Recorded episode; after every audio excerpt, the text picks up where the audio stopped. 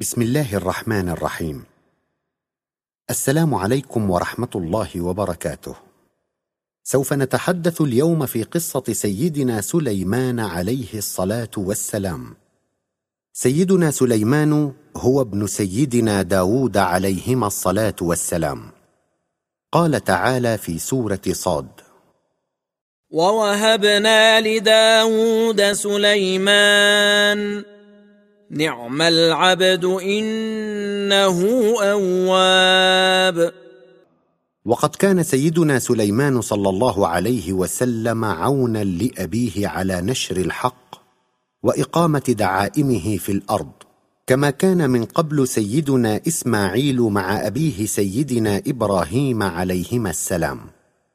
ونظرا لما يعود به فعل الخير على صاحبه من الشأن العالي والقرب زلفى من خالقه فقد طلب سيدنا سليمان من الله تعالى ملكا عظيما لا ينبغي لأحد من بعده ليكون ما يناله من ملك عظيم عونا له على القيام بتأدية رسالة ربه والدعوة إلى سبيل الله على أكمل صورة وأتم وجه. قال تعالى مشيرا إلى مطلب هذا الرسول الكريم قال رب اغفر لي وهب لي ملكا لا ينبغي لأحد من بعدي. إنك أنت الوهاب. وقد استجاب الله تعالى دعوة هذا الرسول الكريم. فسخر له الريح تحمله من مكان إلى مكان حسبما يود ويريد. قال تعالى فسخرنا له الريح تجري بأمره رخاء حيث أصاب. وسخر له تعالى أيضا الشياطين وجعلهم خاضعين لأمره. قال تعالى والشياطين كل بناء وغواص. وآخرين مقرنين في الأصفاد. وكانت الريح تنقله في برهة الصباح أي في فترة لا تزيد عن ساعة تقريبا مسافة لو أراد أن يمشيها الإنسان على قدميه لاحتاج إلى شهر.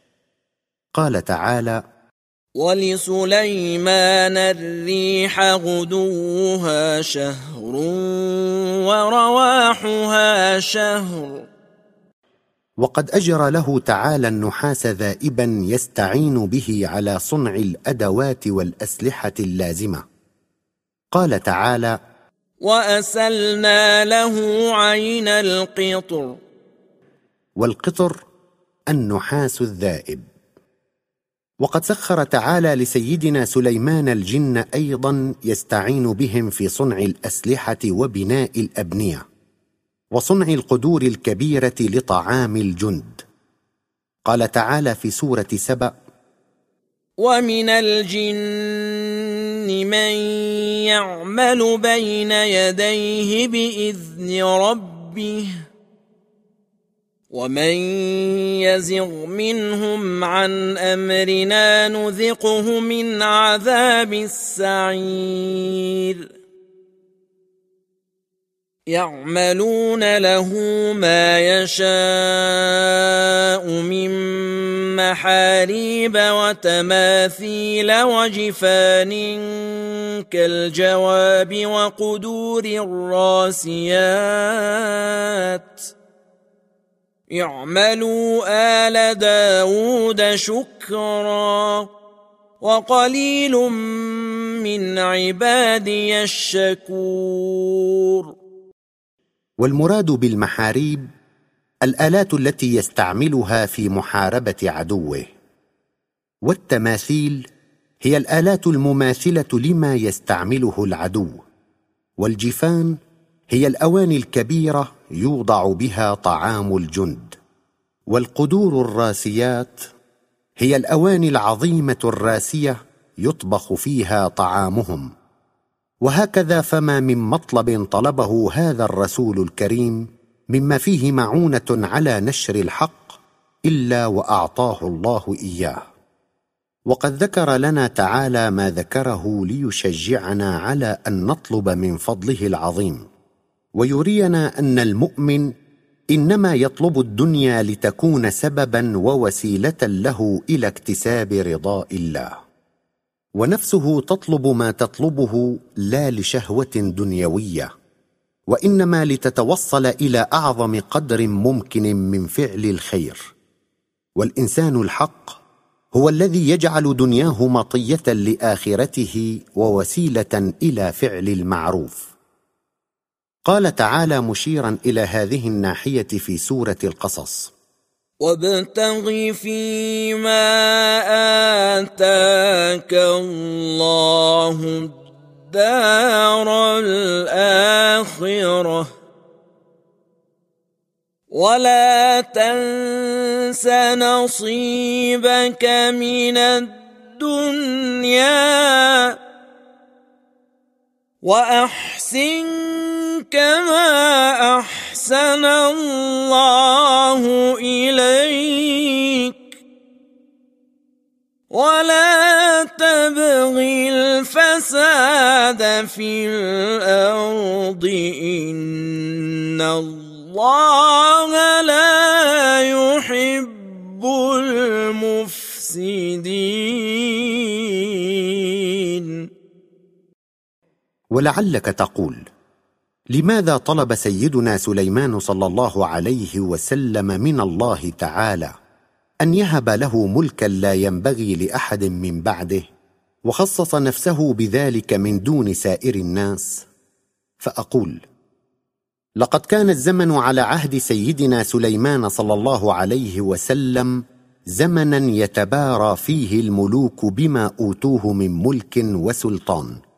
ولذلك ومخافة أن ينال الملك رجل مبطل يضل الناس عن الحق ويفتنهم طلب هذا الرسول الكريم من الله تعالى أن يخصه بذلك الملك العظيم ولا يهبه لأحد من بعده. وهكذا فمطلب الرسل دوما ومطلب كل مؤمن تابع لهم بإحسان إنما هو لخير الناس ومصلحتهم. ويكون ما نفهمه من كلمة لا ينبغي لأحد من بعدي أي لا ينبغي لأحد من الملوك المضلين. ولعلك تقول أيضا ما دام سيدنا سليمان صلى الله عليه وسلم قد طلب ذلك المطلب لغاية سامية فلماذا لا يطلب سيدنا محمد صلى الله عليه وسلم ما طلبه سيدنا سليمان؟ فأقول لقد تغير الأمر بعد سيدنا سليمان صلى الله عليه وسلم. وأصبح الزمن على عهد سيدنا محمد صلى الله عليه وسلم زمنا يتبارى فيه البلغاء ويتنافس العظماء ولم يبق للملك والسلطان تلك القيمة التي كانت لها من قبل. فبيت شعر بنظر العرب إذ ذاك أثمن لديهم من قصور كسرى وقيصر. ولذلك لم يعد لهذا المطلب ذلك الشأن وتلك المكانة السابقة. وكانت المعجزة الخالدة لسيدنا محمد صلى الله عليه وسلم ذلك القرآن. وما فيه من البيان العالي الذي تحدى به الله تعالى الناس جميعا في كل عصر من العصور وبين عجزهم عن الإتيان بمثله مهما تقدم الزمان وطال. قال تعالى في سورة هود أم يقولون افتراه؟ قل فأتوا بعشر سور مثله مفتريات وادعوا ودعوا من استطعتم من دون الله ان كنتم صادقين وقال أيضا جل شأنه في سورة الإسراء قل لئن اجتمعت الانس والجن على ان ياتوا بمثل هذا القران لا ياتون لا يأتون بمثله ولو كان بعضهم لبعض ظهيرا. ونعود الآن إلى القصة التي نحن بصددها فنقول إن أبرز ما في قصة سيدنا سليمان صلى الله عليه وسلم وإن شئت فقل الدرس الذي يريد الله تعالى أن يلقيه علينا والعبرة التي يريد أن يسوقها لنا إنما تتناول النقاط الثلاثة الآتية. اولا أن يكون المؤمن رفيقا بالحيوان فلا يحمله فوق طاقته حتى ولو كانت غاية المؤمن من عمله نشر الحق والجهاد في سبيل الله. إذ الخلق جميعا مخلوقاته تعالى ويجب أن يعطي كل ذي حق حقه. أما النقطة الثانية فإنما هي ناتجة ومتولدة عن النقطة الأولى. فإذا كان من المفروض على الإنسان أن يرفق بالحيوان الأعجمي فمن الأولى الرفق بالإنسان وإعطاؤه حقه وعدم تكليفه بما لا يطيق. ثالثا إن تقصير الإنسان فيما يترتب عليه من واجبات تجاه الآخرين يشعر النفس بتقصيرها بين يدي ربها. فتنقبض خجلا وتغضي حياء منه تعالى. وبذلك ينقطع عنها ذلك الإمداد الذي كان يتوارد عليها من ربها وبالتالي يحجب عنها علمها. والآن وبعد أن أشرنا إلى هذه النقاط الثلاث نورد لك ما حدث لسيدنا سليمان صلى الله عليه وسلم.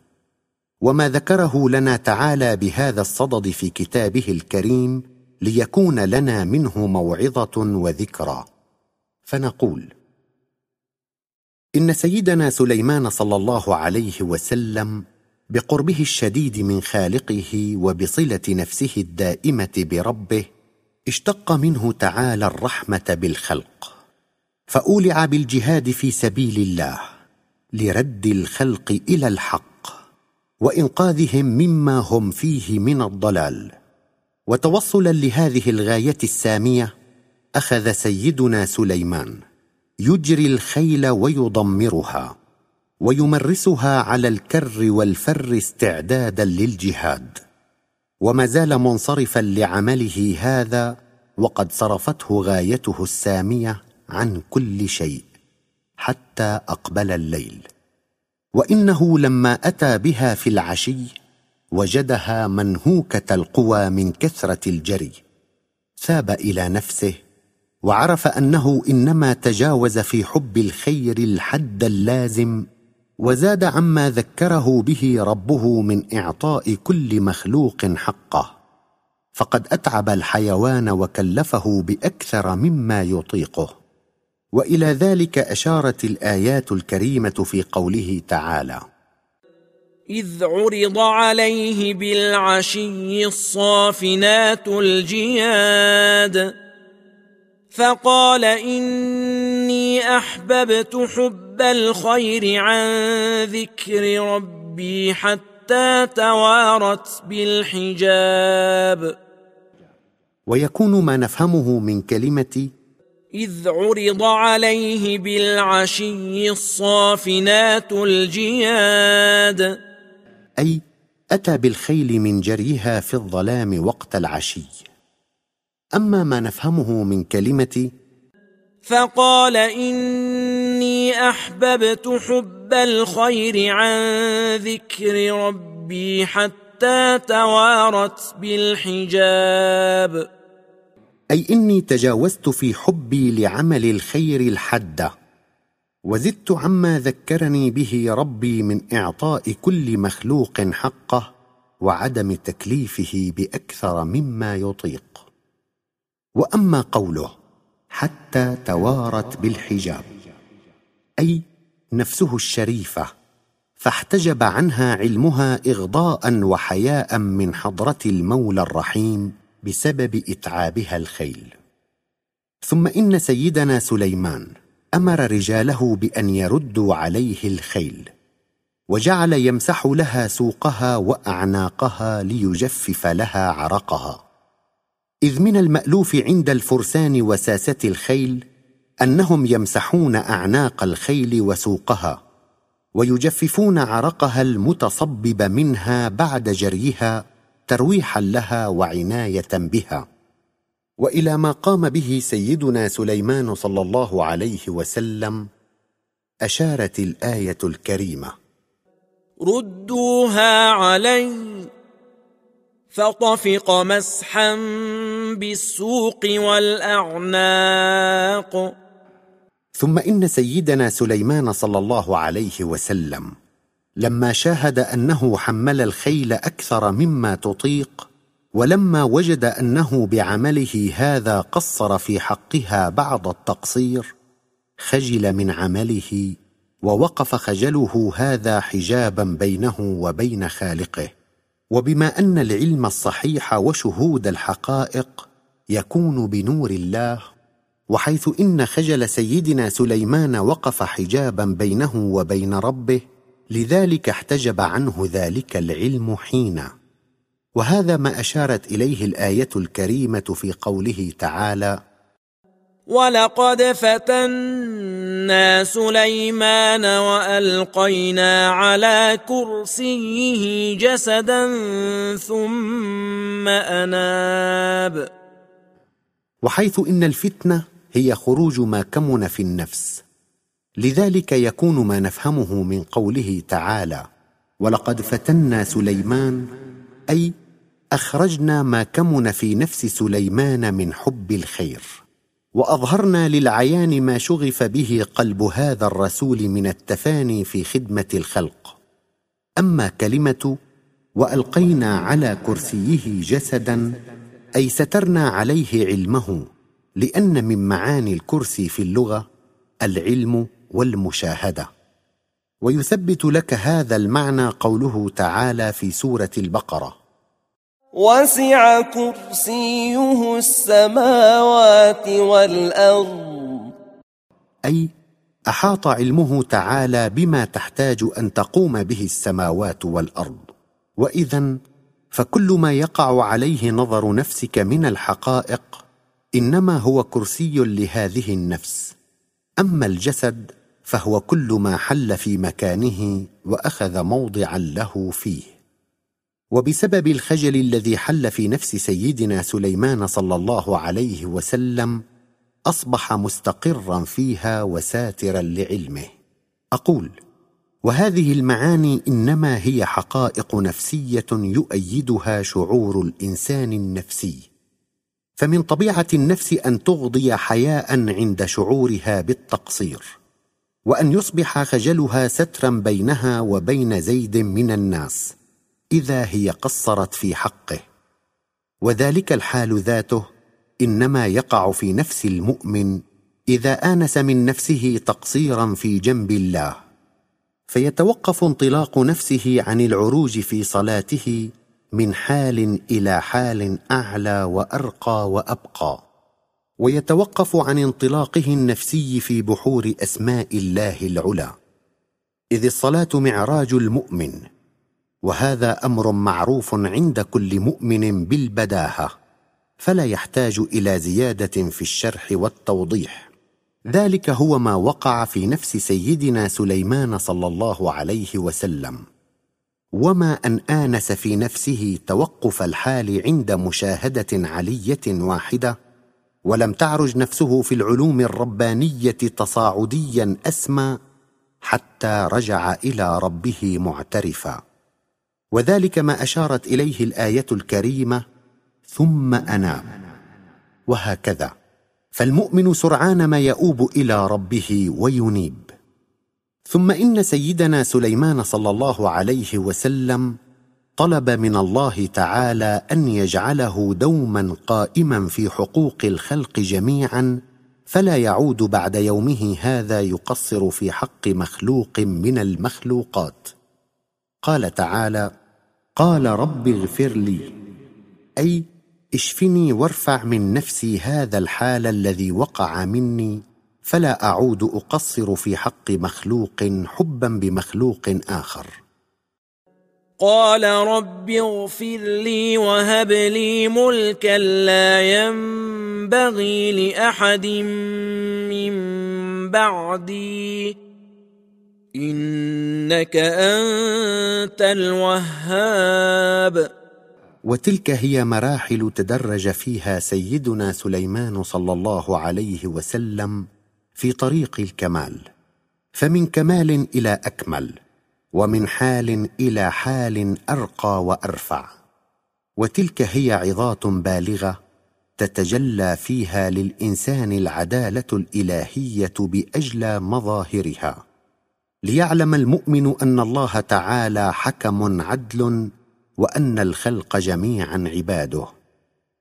فمن أراد أن يظل قريبا دوما من خالقه فلا يقصر في حق مخلوق من المخلوقات مهما كانت الغاية عالية ومهما كان القصد شريفا ساميا قال تعالى في سورة العنكبوت.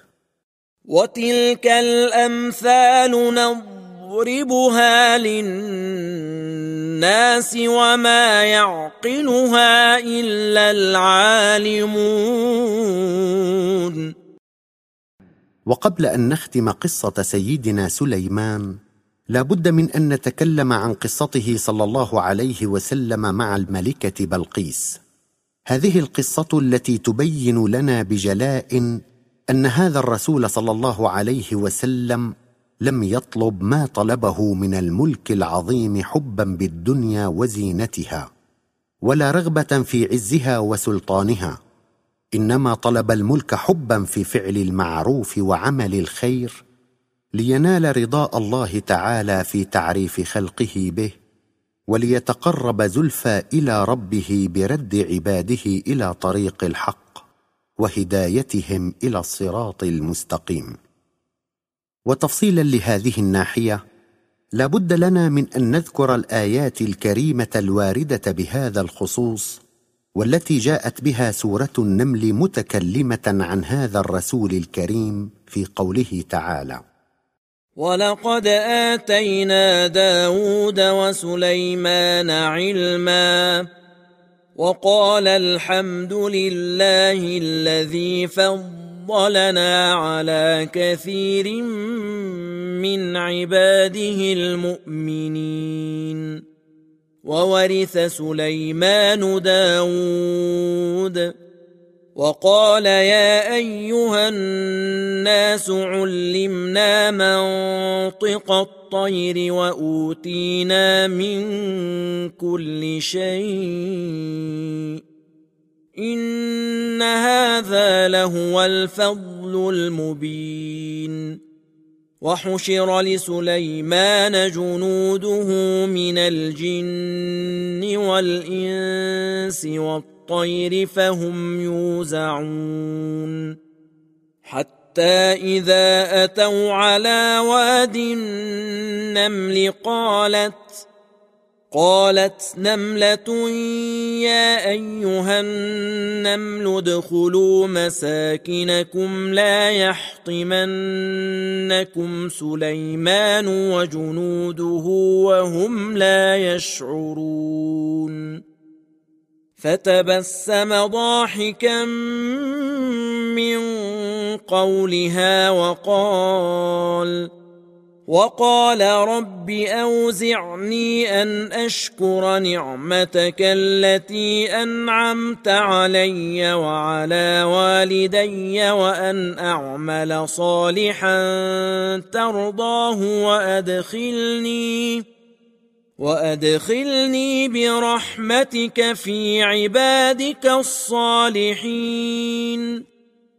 وتفقد الطير فقال ما لي لا أرى الهدهد أم كان من الغائبين.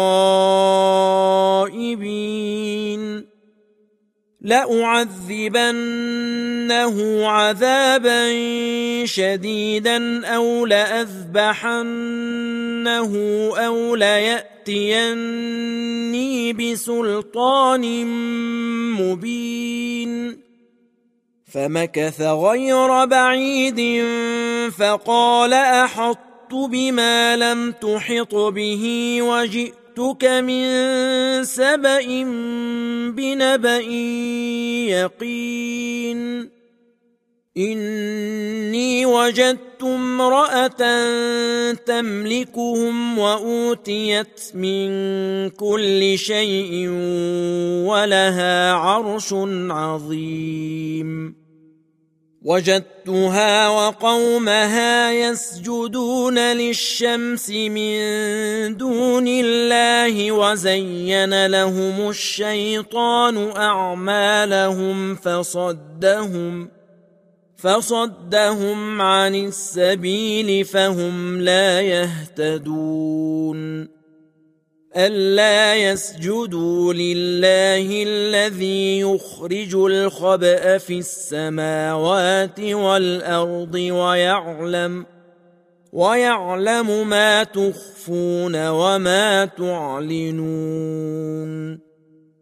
الله لا إله إلا هو رب العرش العظيم قال سننظر أصدقت أم كنت من الكاذبين. اذهب بكتابي هذا فألقه إليهم ثم تول عنهم ثم تول عنهم فانظر ماذا يرجعون. ولما ألقي الكتاب إلى تلك الملكة وتبينت ما فيه جمعت ملأها وعرفتهم بالأمر. قال تعالى قالت يا أيها الملأ إني ألقي إلي كتاب كريم. إنه من سليمان وإنه بسم الله الرحمن الرحيم. ألا تعلوا علي وأتوني مسلمين. قالت يا أيها الملأ أفتوني في أمري ما كنت قاطعة أمرا حتى حتى تشهدون. قالوا نحن أولو قوة وأولو بأس شديد والأمر إليك فانظري ماذا تأمرين. قالت إن الملوك إذا دخلوا قرية أفسدوها وجعلوا أعزة أهلها أذلة وكذلك يفعلون واني مرسله اليهم بهديه فناظره بم يرجع المرسلون فلما جاء سليمان قال قال أتمدونني بمال فما آتاني الله خير مما آتاكم بل أنتم بهديتكم تفرحون.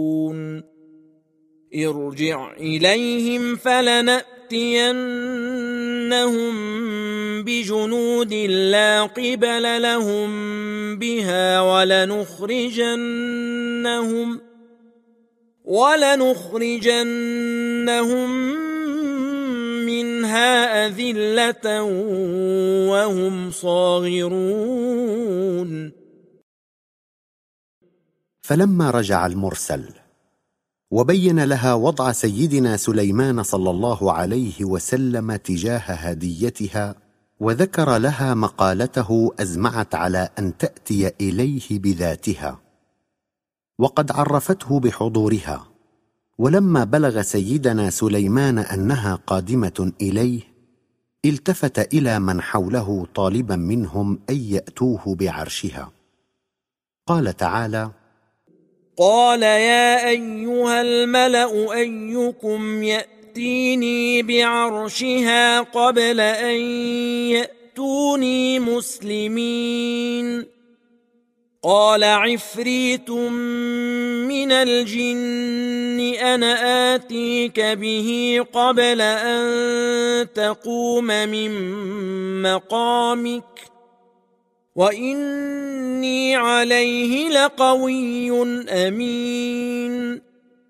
قال الذي عنده علم من الكتاب أنا اتيك به قبل ان يرتد اليك طرفك فلما رآه مستقرا عنده قال هذا من فضل ربي ليبلوني أأشكر أم أكفر ومن شكر فإنما يشكر لنفسه ومن كفر فان ربي غني كريم.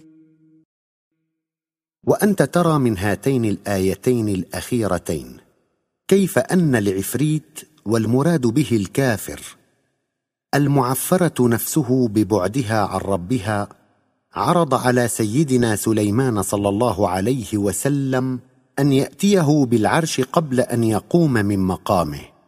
وكيف أن المؤمن الذي عنده علم من الكتاب استطاع أن يأتيه به من اليمن بمدة لا تزيد عن لمح البصر؟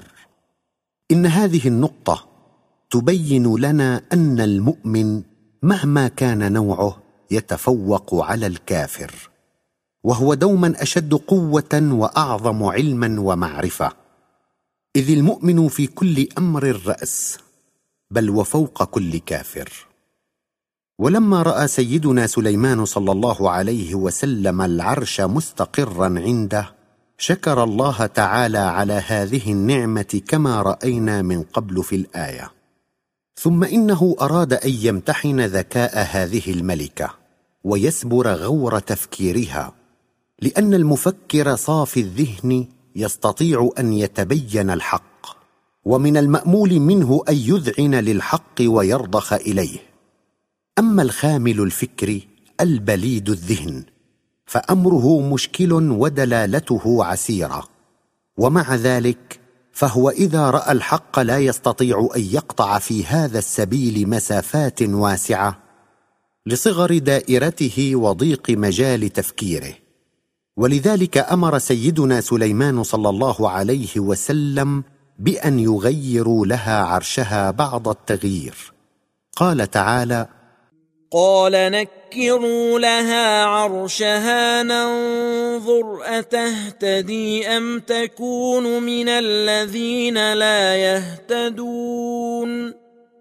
فلما جاءت قيل أهكذا عرشك؟ قالت كأنه هو وأوتينا العلم من قبلها وكنا مسلمين. هنالك طمع سيدنا سليمان في هدايتها فأمرها بأن تدخل الصرح. والصرح موضع أرضه من زجاج متقن الصنع شفاف يشف حتى يصف ما وراءه. ولشدة نقائه وصفائه لا تراه بل تلمسه لمسا. وإلى ذلك تشير الآية الكريمة قيل لها ادخل الصرح. أما هي فلما رأت الصرح ونظرت إلى أرضه حسبتها لشدة صفائها ودقة صنعها ماء وكشفت عن ساقيها لئلا تبتل ثيابها. قال تعالى فلما رأته حسبته لجة وكشفت عن ساقيها. قال إنه صرح ممرد من قوارير. وفي هذه اللحظة استعظمت هذه الملكة التي أوتيت من كل شيء ما أوتيه سيدنا سليمان صلى الله عليه وسلم من الملك العظيم. واستصغرت ملكها واحتقرت نفسها بجانبه. ونظرت إلى سيدنا سليمان نظرة إكبار وإجلال. وهنالك وبهذه النظرة وبهذا التعظيم وإن شئت فقل بإقبال نفسها على نفس هذا الرسول العالية شهدت الحق وعاينته فكانت نفسه لنفسها سراجا منيرا رأت به عظمة خالقها وكمالات ربها فاستسلمت لربها طائعة مذعنة. وإلى ذلك تشير الآية الكريمة قالت رب إني ظلمت نفسي وأسلمت مع سليمان لله رب العالمين. ومن هنا يتبين لنا أن سيدنا سليمان صلى الله عليه وسلم لم يطلب ذلك الملك العظيم إلا ليكون وسيلة له إلى فعل الخير ورد الخلق إلى الحق. إلى ينبوع كل خير وجمال وجلال. جل جلاله وتشاهقت عظمته وتسامت لنا محبته تعالى. كما يتبين لنا أن رؤية الحق وبلوغ منازل الإيمان الصحيح لا تكون إلا بتعظيم أهل الحق وإكبارهم. وقد أشار تعالى إلى هذا المبدأ الثابت في قصة سيدنا موسى صلى الله عليه وسلم مع السحرة.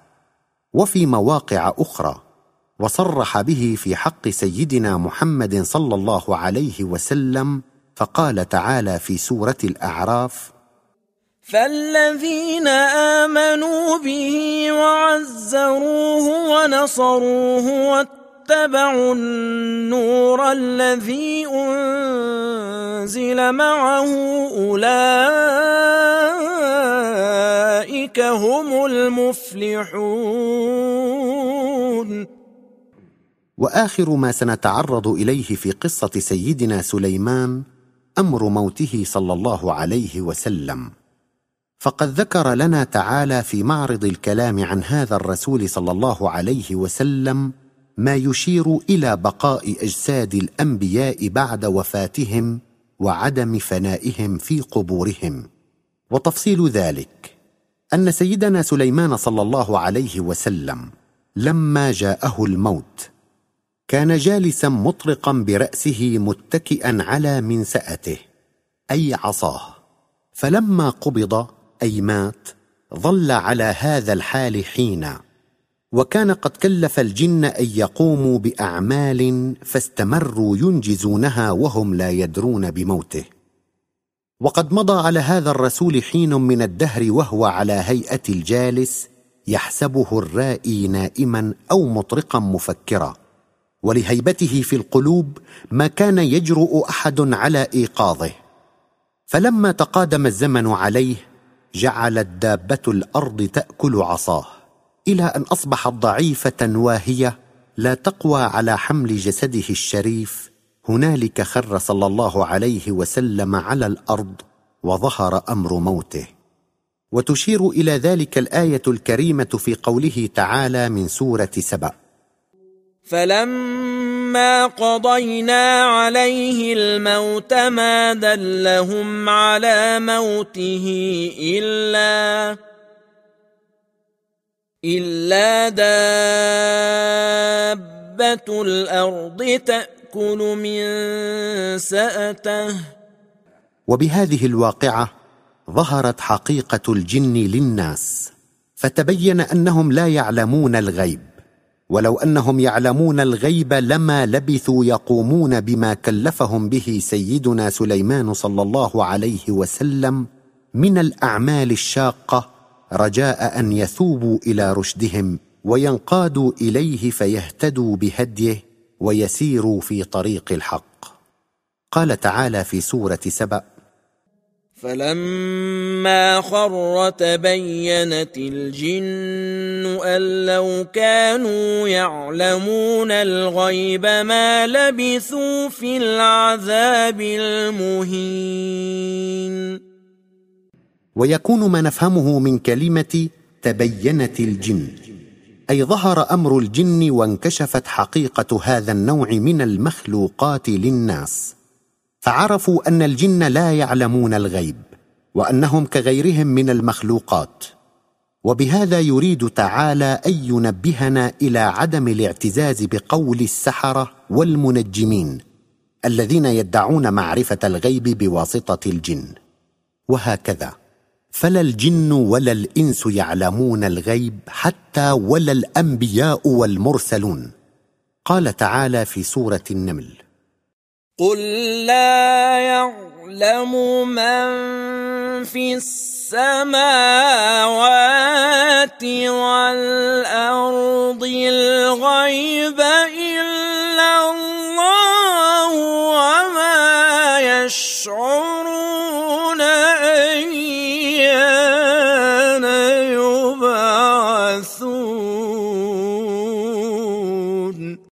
وقد أمر تعالى رسوله الكريم أن يعلن هذه الحقيقة للناس فقال تعالى في سورة الأعراف قل لا أملك لنفسي نفعا ولا ضرا إلا ما شاء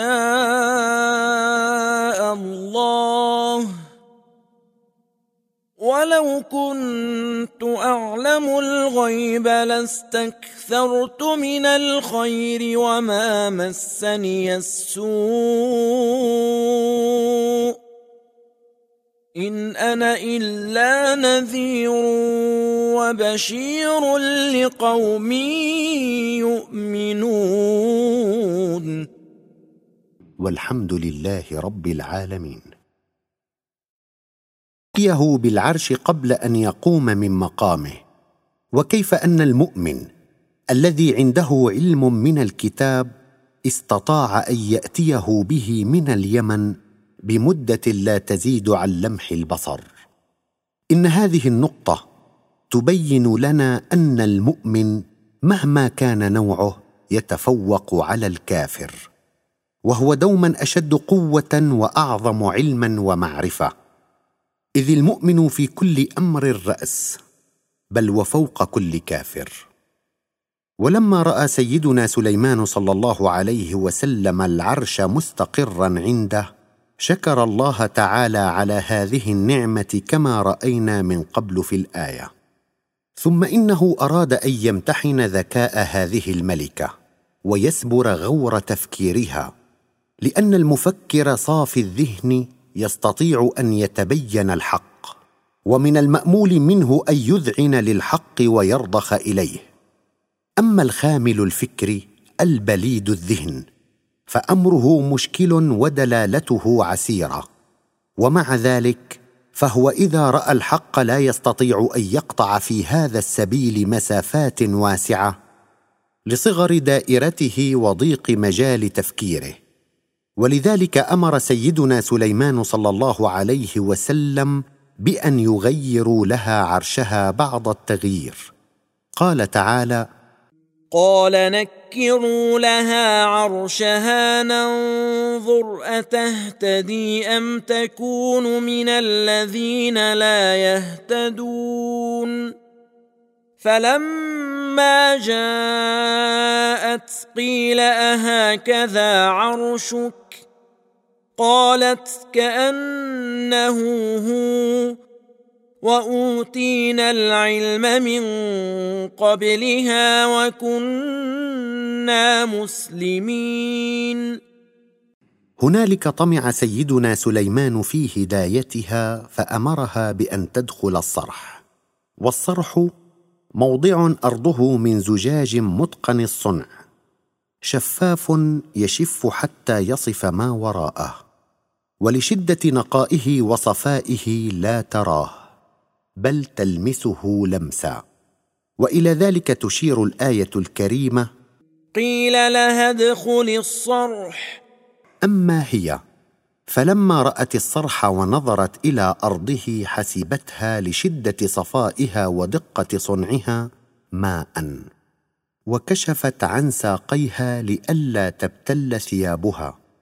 قال تعالى فلما رأته حسبته لجة وكشفت عن ساقيها قال إنه صرح ممرد من قوارير. وفي هذه اللحظة استعظمت هذه الملكة التي أوتيت من كل شيء ما أوتيه سيدنا سليمان صلى الله عليه وسلم من الملك العظيم. واستصغرت ملكها واحتقرت نفسها بجانبه. ونظرت إلى سيدنا سليمان نظرة إكبار وإجلال. وهنالك وبهذه النظرة وبهذا التعظيم وإن شئت فقل بإقبال نفسها على نفس هذا الرسول العالية شهدت الحق وعاينته فكانت نفسه لنفسها سراجا منيرا رأت به عظمة خالقها وكمالات ربها. فاستسلمت لربها طائعة مذعنة. وإلى ذلك تشير الآية الكريمة قالت رب إني ظلمت نفسي وأسلمت مع سليمان لله رب العالمين. ومن هنا يتبين لنا أن سيدنا سليمان صلى الله عليه وسلم لم يطلب ذلك الملك العظيم إلا ليكون وسيلة له إلى فعل الخير ورد الخلق إلى الحق إلى ينبوع كل خير وجمال وجلال. جل جلاله وتشاهقت عظمته وتسامت لنا محبته تعالى. كما يتبين لنا أن رؤية الحق وبلوغ منازل الإيمان الصحيح لا تكون إلا بتعظيم أهل الحق وإكبارهم. وقد أشار تعالى إلى هذا المبدأ الثابت في قصة سيدنا موسى صلى الله عليه وسلم مع السحرة وفي مواقع أخرى وصرح به في حق سيدنا محمد صلى الله عليه وسلم فقال تعالى في سورة الأعراف فالذين آمنوا به وعزروه ونصروه واتبعوا النور الذي أنزل معه. أولئك هم المفلحون. وآخر ما سنتعرض إليه في قصة سيدنا سليمان أمر موته صلى الله عليه وسلم. فقد ذكر لنا تعالى في معرض الكلام عن هذا الرسول صلى الله عليه وسلم ما يشير إلى بقاء أجساد الأنبياء بعد وفاتهم وعدم فنائهم في قبورهم. وتفصيل ذلك أن سيدنا سليمان صلى الله عليه وسلم لما جاءه الموت كان جالسا مطرقا برأسه متكئا على منساته أي عصاه. فلما قبض أي مات ظل على هذا الحال حينا. وكان قد كلف الجن أن يقوموا بأعمال فاستمروا ينجزونها وهم لا يدرون بموته. وقد مضى على هذا الرسول حين من الدهر وهو على هيئة الجالس يحسبه الرائي نائما أو مطرقا مفكرا. ولهيبته في القلوب ما كان يجرؤ أحد على إيقاظه. فلما تقادم الزمن عليه جعلت دابه الأرض تأكل عصاه. إلى أن اصبحت ضعيفة واهية لا تقوى على حمل جسده الشريف. هنالك خر صلى الله عليه وسلم على الأرض وظهر أمر موته. وتشير إلى ذلك الآية الكريمة في قوله تعالى من سورة سبأ. فلما قضينا عليه الموت ما دلهم على موته إلا إلا دابة الأرض تأكل من سأته. وبهذه الواقعة ظهرت حقيقة الجن للناس فتبين أنهم لا يعلمون الغيب. ولو أنهم يعلمون الغيب لما لبثوا يقومون بما كلفهم به سيدنا سليمان صلى الله عليه وسلم من الأعمال الشاقة رجاء أن يثوبوا إلى رشدهم وينقادوا إليه فيهتدوا بهديه ويسيروا في طريق الحق. قال تعالى في سورة سبأ فلما خر تبينت الجن ان لو كانوا يعلمون الغيب ما لبثوا في العذاب المهين ويكون ما نفهمه من كلمة تبينت الجن. أي ظهر أمر الجن وانكشفت حقيقة هذا النوع من المخلوقات للناس. فعرفوا أن الجن لا يعلمون الغيب وأنهم كغيرهم من المخلوقات.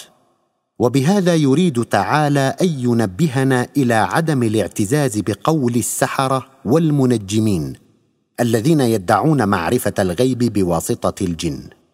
وهكذا. فلا الجن ولا الإنس يعلمون الغيب حتى ولا الأنبياء والمرسلون. قال تعالى في سورة النمل. قل لا يعلم من في السماوات والأرض الغيب